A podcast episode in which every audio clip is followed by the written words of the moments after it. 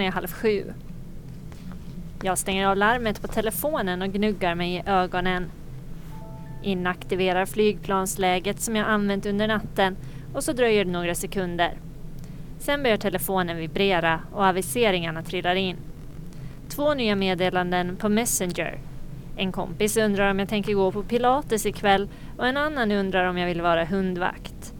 På Instagram har jag fått tre nya likes på bilden av min nya matta som jag la upp igår. Och Facebook har skickat aviseringar om kommande evenemang som några av mina kompisar är intresserade av. Samt om en födelsedag som jag borde minnas. Grattis skriver jag till kompisen. Ha en jättefin födelsedag och ät mycket tårta så syns vi på lördag. I flödet trillar annonser för billiga flygresor, solkräm, klänningar och träningskläder in. Onödigt. Jag som nyss har köpt ett par nya löparskor och bokat semesterresan till Italien.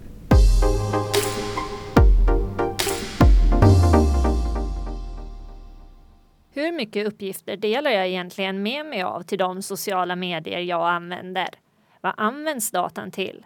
Och vad kan jag göra för att begränsa den information jag delar med mig av? De här frågorna ställer jag och många andra sig efter att ämnet hamnade i fokus i början av året då det kom fram att uppgifter om åtminstone 87 miljoner Facebook-användare hade läckt ut och använts för att påverka väljares åsikter i amerikanska val.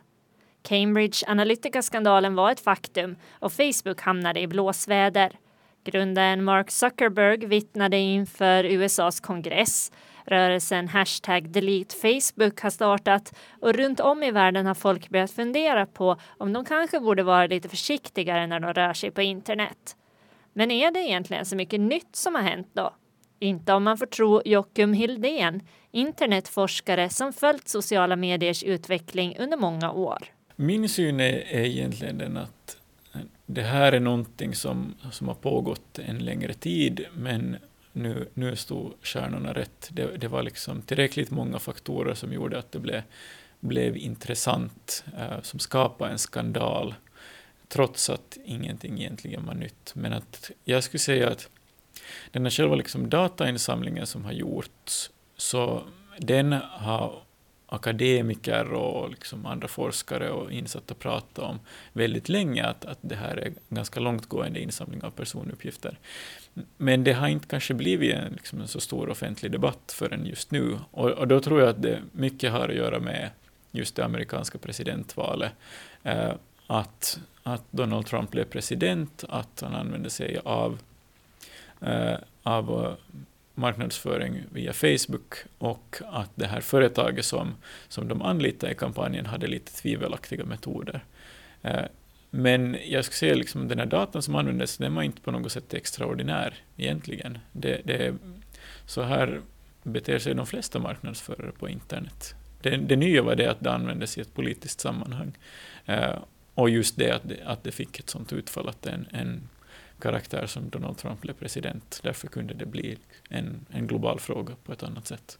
Så jag är väl väldigt glad för att det här äntligen blir en sån sak som, som alla pratar om, inte bara jag. Men rent konkret då, den här datainsamlingen, hur sker den? Mm. Eh, det som Facebook gör är att dels så samlar Facebook på sig en massa information om användandet på Facebook, det, det vill säga Eh, vilka vänner man har, vilka sidor man gillar, vilka inlägg man gillar och, och reagerar på. Eh, men utöver det så samlar Facebook också på sig information om eh, vilka andra appar man till exempel har laddat ner på sin telefon, eh, vilka hemsidor man surfar på. Så att egentligen liksom allt man gör på internet så är Facebook intresserad av och försöker eh, spåra. Um, så att, ja, det, det mesta på internet så, så samlar Facebook på om man inte går och aktivt försöker begränsa den här insamlingen. Tror du att eh, folk har varit omedvetna om att det pågår sån datainsamling? Jag tror att de flesta har vetat på ett ungefär att någon form av... Det har ändå pratats en hel, hel del om det och inte minst då i samband med, med hela Edward Snowden-läckan läckan för, för några år sedan. Så att jag tror att de flesta har varit medvetna om att det, det sker en ganska stor datainsamling. Men jag tror inte att det har konkretiserats. Det har inte liksom man har kanske inte sett det som någonting reellt, som någonting konkret förrän just nu då man inser att, liksom att okej, okay, den här informationen används faktiskt och, och på sätt som man kanske inte är helt överens med. Det sa internetforskaren Jockum Hildén. Och nog verkar det som att människor känner till det här med datainsamlingen. I alla fall var det ingen nyhet för de som jag träffade när jag gav mig ut på stan för att prata sociala medier. Det är väl inget nytt. Alltså det är ända sedan Facebook har börjat så det är det som har varit deras ja, marknadsföring och produkt om man säger så. så. Vad tänker du kring det då att eh, Facebook sitter på en massa information om sina användare? Det behöver ju regleras.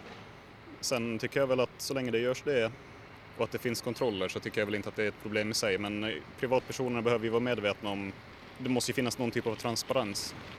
Det här med personliga informationen som har lämnats över till alla de här företagen så det är ju kanske inte det bästa som har hänt Facebook. Men eh, ägaren då så han försöker ju hela tiden att be om ursäkt om det som har hänt. Med de här läckorna i samhället med just information, de är väldigt stora för tillfället. Och många företag betalar ju himla mycket pengar för att få information för att kunna skicka vidare skräppost, reklam och annat. Hur tänker du själv då kring att eh, ja, men till exempel Facebook sitter på en massa information om, om dig och andra användare.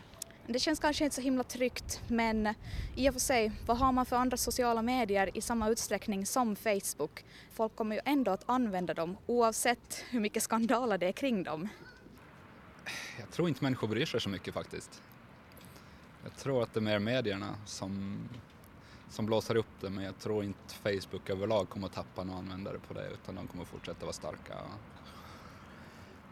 Ja, klart människor bryr sig men i slutändan så tror jag inte det kommer att påverka Facebook faktiskt. Är det någonting du själv tänker på då när du använder Facebook? Att de har min information. Absolut. Eh, till exempel så vill jag inte lägga ut bilder i onödan på mina barn, eller mitt barn. Eh, och eh, ja, information som kanske är lite känsligare så lägger jag inte heller ut på Facebook. Alltså, jag tror att liksom det måste finnas gränser på vad man skriver. Um, man kan använda informationen till någonting dåligt så att säga. Man, man ska inte öppna sig för mycket liksom.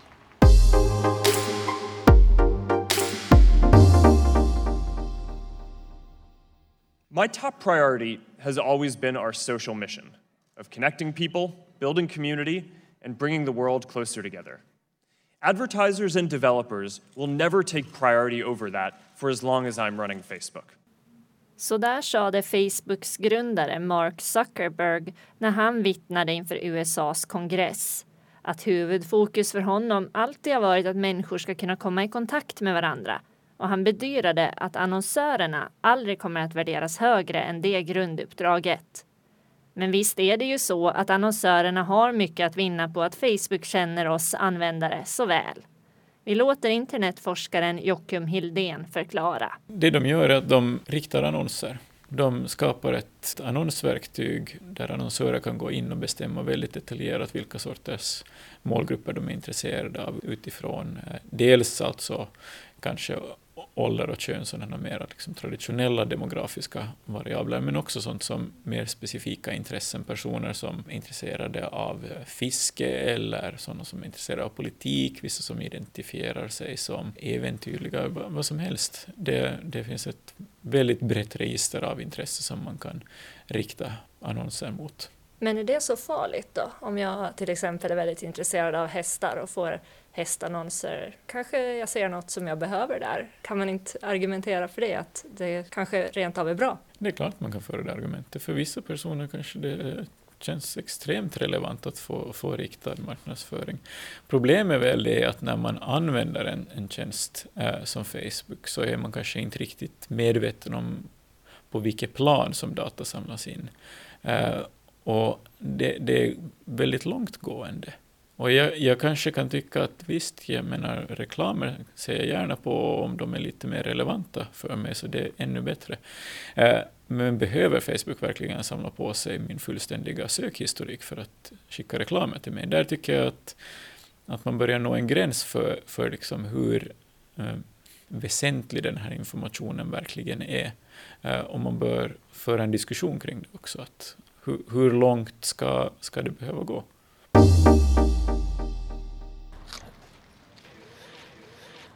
Använder du sociala medier?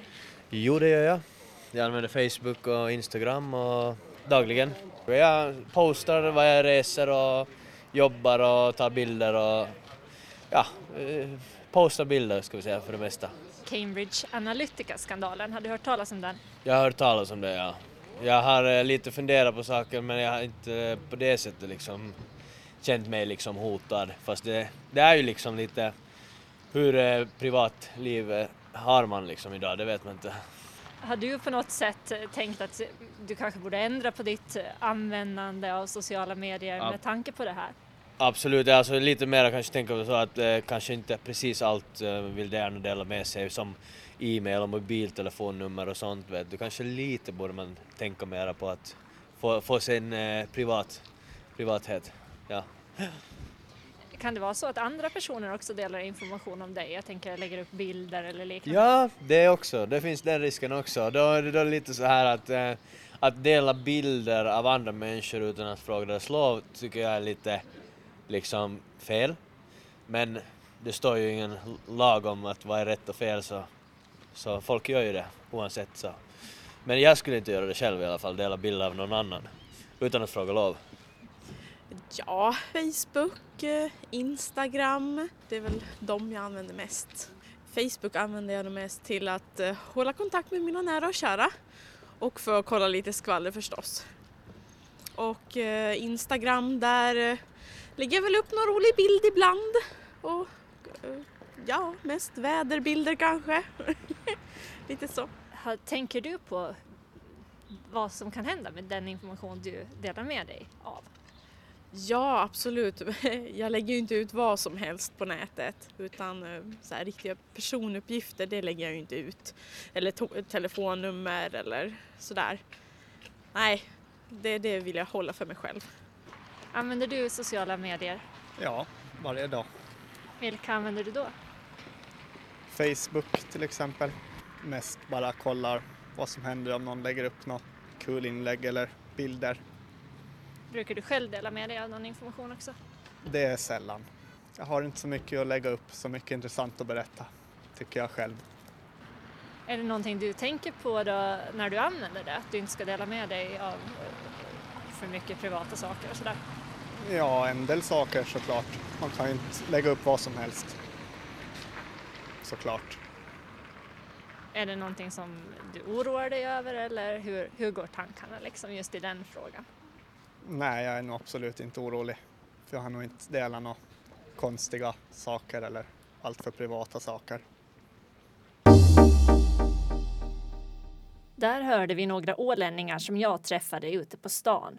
Och det är faktiskt så att de flesta man hugger tag i på gatan använder sociala medier. Många säger att de är försiktiga och tänker på vad de delar med sig av eftersom de känner till att informationen sparas och ibland är de också oroliga för vad den kanske kan komma att användas till i framtiden. Men om man nu är orolig för det, varför fortsätter man att använda tjänsten? Facebook har idag fler än 2 miljarder användare i världen. Jag har stämt möte med Ludvig Grann. Han är en av dem som valt att inte använda tjänsten.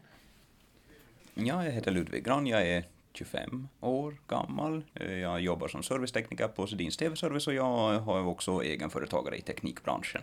Hur förhåller du dig till sociala medier? Ja, jag använder dem ju inte så där speciellt mycket eftersom jag litar inte på eh, datahanteringen de har helt enkelt. Eh, avtalen man går med på då man går med på de där tjänsterna är helt enkelt så breda och så långa att man inte överhuvudtaget har någon makt över eh, hur de företagen använder din data. Är det något socialt medium överhuvudtaget som du använder? Eh, jo, jag använder YouTube eftersom jag producerar video på fritiden.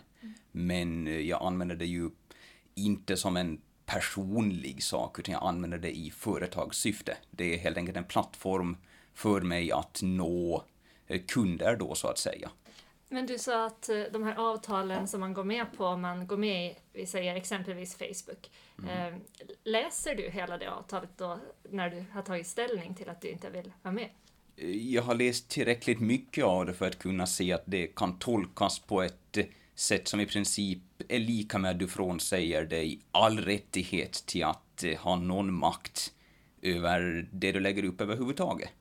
Och det tycker jag inte är okej. Det är därför exempelvis sånt som den här eh, Cambridge Analytica-härvan kan dyka upp eftersom eh, eh, användarna har i princip gått med på att det händer.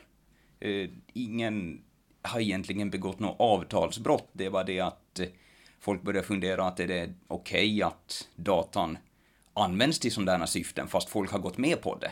Det är där det lite börjar kärva då avtalen helt enkelt börjar gå så långt i sin öppenhet och frihet att eh, eh, datan kan användas till politisk manipulering och sådana tokigheter som man kanske inte har tänkt på som vanlig användare att den kan bli använd till.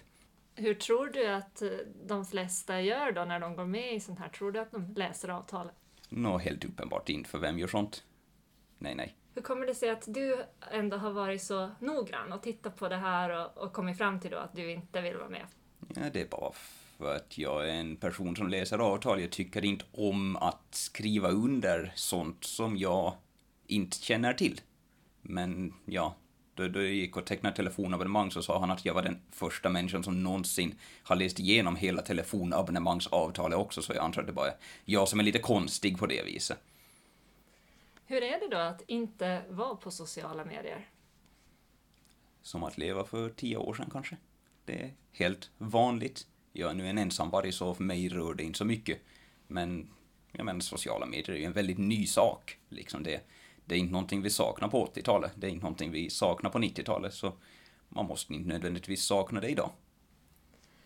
Ehm, Finns det fördelar med att inte vara där? Ja, du har ju det faktum att du inte säljer dina sociala, din sociala information till Trumps presidentkampanj, eh, men på, förutom det så är det ju mest nog liksom en nackdel, så därför du frånsäger ju dig en stor del av den sociala vardagen i dagens läge. Du, alla finns på Facebook så att säga. Just det här då att du har valt att inte eh, gå med i sociala medier och eh, tycker att de här avtalen är, eh, avser sig för mycket makt. Vad säger folk då som du diskuterar det med? Tycker de att du har en, en poäng? de flesta tycker att det är en bra poäng på det viset. Men eh, de flesta sätter mer värde på det de får ut ur sociala medier än den förlust de ser i att deras data används på ett sätt som de inte känner till. Skulle folk känna till mer om hur den här datan faktiskt används så skulle jag nog säga att det kanske är fler som i alla fall skulle tänka mer på hur de använder sociala medier. Dock så tror jag inte det är många som skulle avstå även om de visste precis allting. Det är helt enkelt eh, en så bra tjänst. Den här Cambridge Analytica-skandalen nu då har ju satt den här frågan på tapeten och det har diskuterats mer än vad det annars gör. Eh, Hur tror du att det kommer att påverka då? Eh, Jag tror inte det kommer att påverka så mycket alls, för det kommer att glömmas bort på en par månader och sen är allting tillbaka som det har varit tidigare. Facebook kanske går ut med en stor ursäkt. De kanske donerar till någon välgörenhet och säger förlåt, förlåt, vi har varit stygga och sen glömmer alla bort det och sen är det tillbaka som det alltid har varit. Tills nästa stora skandal. Rinse and repeat. Facebook eh, säger ju att de tittar jätteallvarligt på det här och att de eh, gör ändringar i sin tjänst och så vidare för att det ska bli säkrare för användarna. Tror du att det kommer att bli bättre för användarna tack vare det här? Självklart inte. De har ingenting att vinna på det. Det är bara ett PR-stund, för såklart så måste de ju säga för att rädda sin, sitt eget skinn att jo, vi tar hand om det här, vi ska göra en ändring. Och de kanske ändrar någon liten klausul i sitt avtal, eh, men det är en tom gest så att säga. Det är ingenting som deras advokater inte kan ar- arbeta runt så att de kan fortsätta göra exakt samma sak igen. För det är där som pengarna finns.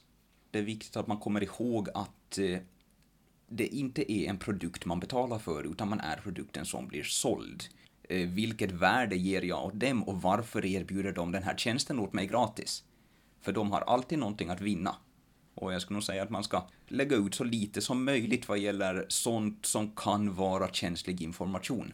Och man ska hålla koll på vilka sidor man går till, även när du inte är på Facebook. För Facebook har koll. Och det kanske är mer koll än vad du vill att de ska ha.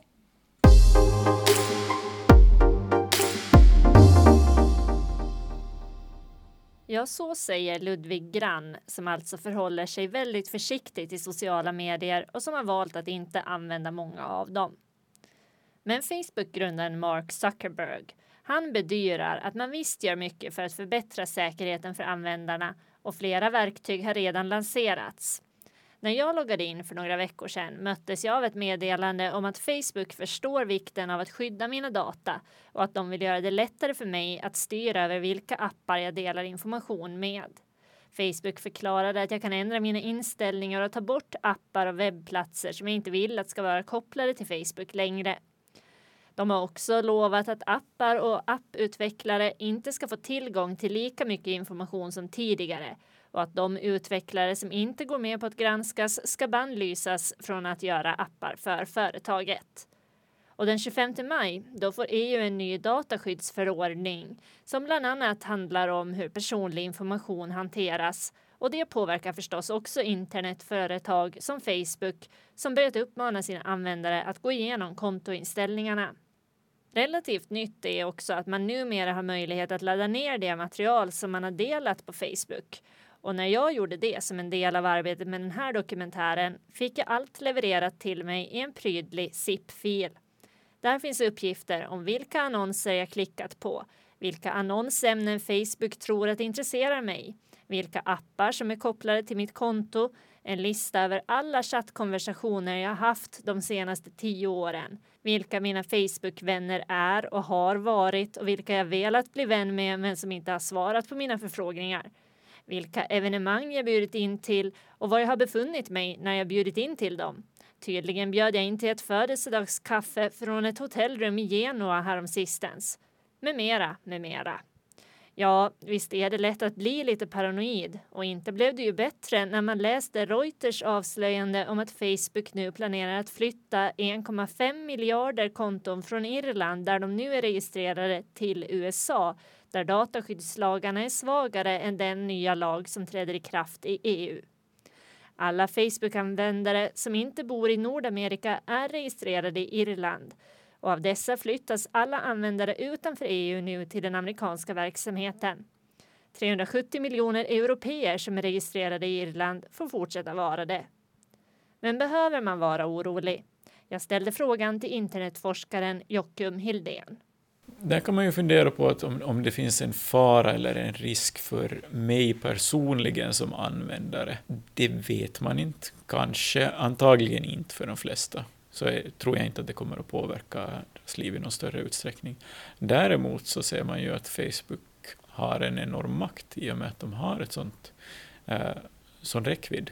Man kan, Facebook har gjort en massa olika experiment där de till exempel har påverkat människors sinnestillstånd genom att bara exponera användare för negativt innehåll.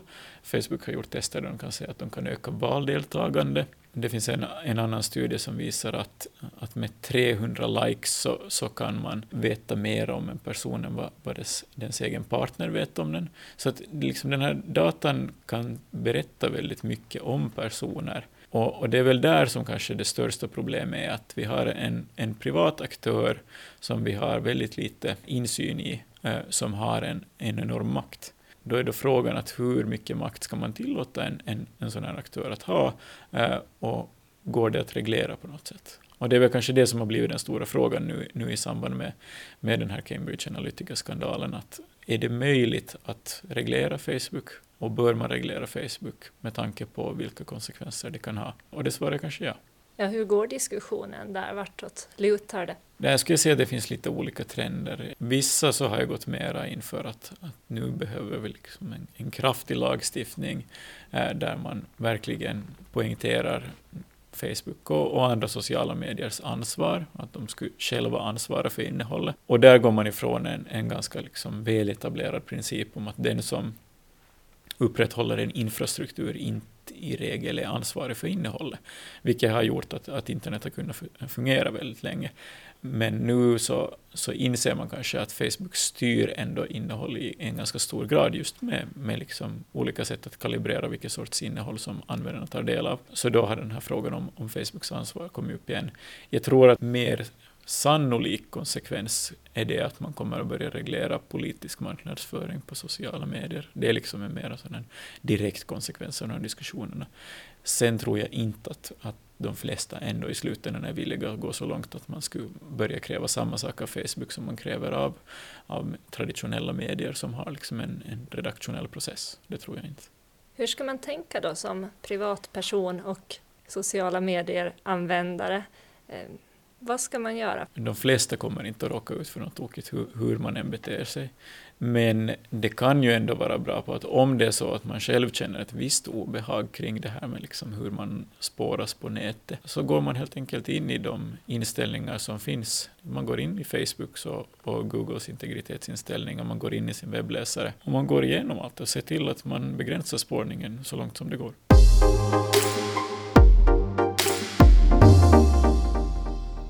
Ja, det låter ju relativt enkelt. Och fler tips om hur du skyddar dig i sociala medier är lätta att hitta på nätet.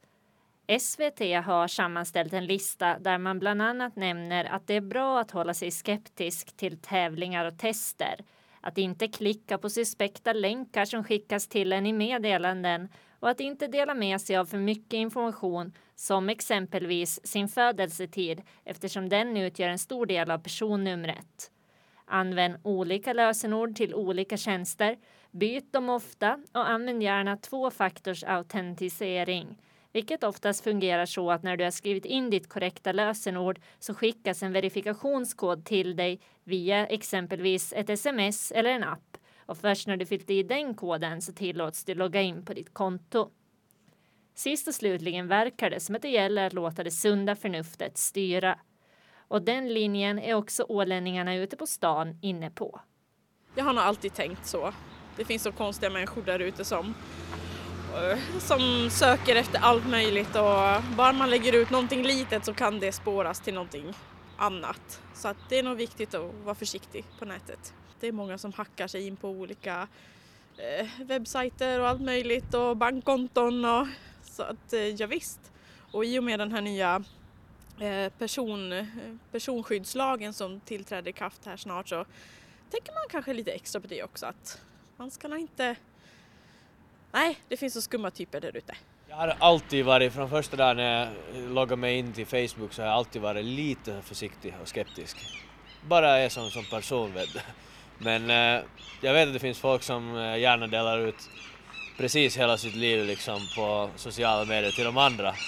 Så det är lite ja, det, då får man väl ta den smällen om det kommer sen om man vet att någon gör något eh, fel med dina uppgifter. Så det, man, man måste vara försiktig. försiktig. Mm.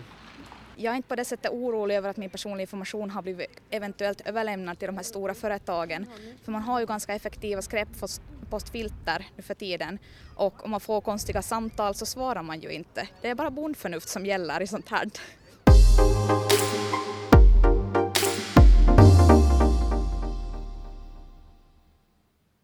Diskussionen om de sociala medierna och den personliga integriteten fortsätter. Jag går igenom mina kontoinställningar, rensar i sökhistoriker och avinstallerar appar jag inte använder längre. Men i slutändan väljer jag ändå att ha kvar tjänsterna. För precis som Ludvig Grann var inne på så tycker jag att de är så bra och de ger mig väldigt mycket. Men tänker alla likadant eller finns det någon avhoppartrend? Frågar jag internetforskaren Jockum Hildén. Det har ju funnits vissa uppmaningar om att man ska ta bort Facebook och jag tror att techentreprenören Elon Musk eh, till exempel så bestämde sig för att ta ner Teslas eh, sida på Facebook. Så att eh, visst finns det ju sådana här uppmaningar.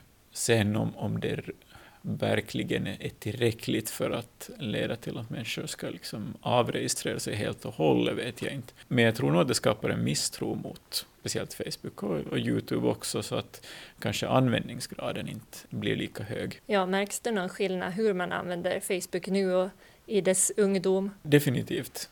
Speciellt eh, talande var då när Facebook introducerade sin tidslinjefunktion. Många som upplevde att, att Facebook hade publicerat deras privata meddelanden, medan det bara kom fram att det var egentligen så man kommunicerade. Det var betydligt mer privat kommunikation som skedde någorlunda offentligt. Man skrev på varandras hemsidor eller walls. Och, och, det kunde vara ganska privata meddelanden som, som man aldrig någonsin skulle skriva idag. Så där ser man ju att beteendet har förändrats äh, ganska mycket. Och nu är ju en stor del av kommunikationen säkert i, i Facebooks eh, Messenger-funktion istället för, för liksom på de här väggarna. Hur tänker du själv då? Använder du sociala medier? Jo, det är klart. Eh, jag, jag använder säkert sociala medier mer än vad jag borde göra. Men att för, för mig, min användning är, är, är ganska starkt kopplad till mitt forskningsintresse. Det vill säga jag läser mycket artiklar som, som berör det jag handlar om och, och eftersom Facebook är bra på att snappa upp det som jag är intresserad av så får jag en massa sådana artiklar i mitt flöde. Så att den vägen tar jag del av mycket innehåll. Däremot så är det ju år och dagar sedan jag ska dela någonting riktigt personligt på Facebook. Det har nog inte hänt på många år. Så att eh, visst har min egen användning också förändrats med tiden. Det sa forskaren Jockum Hildén.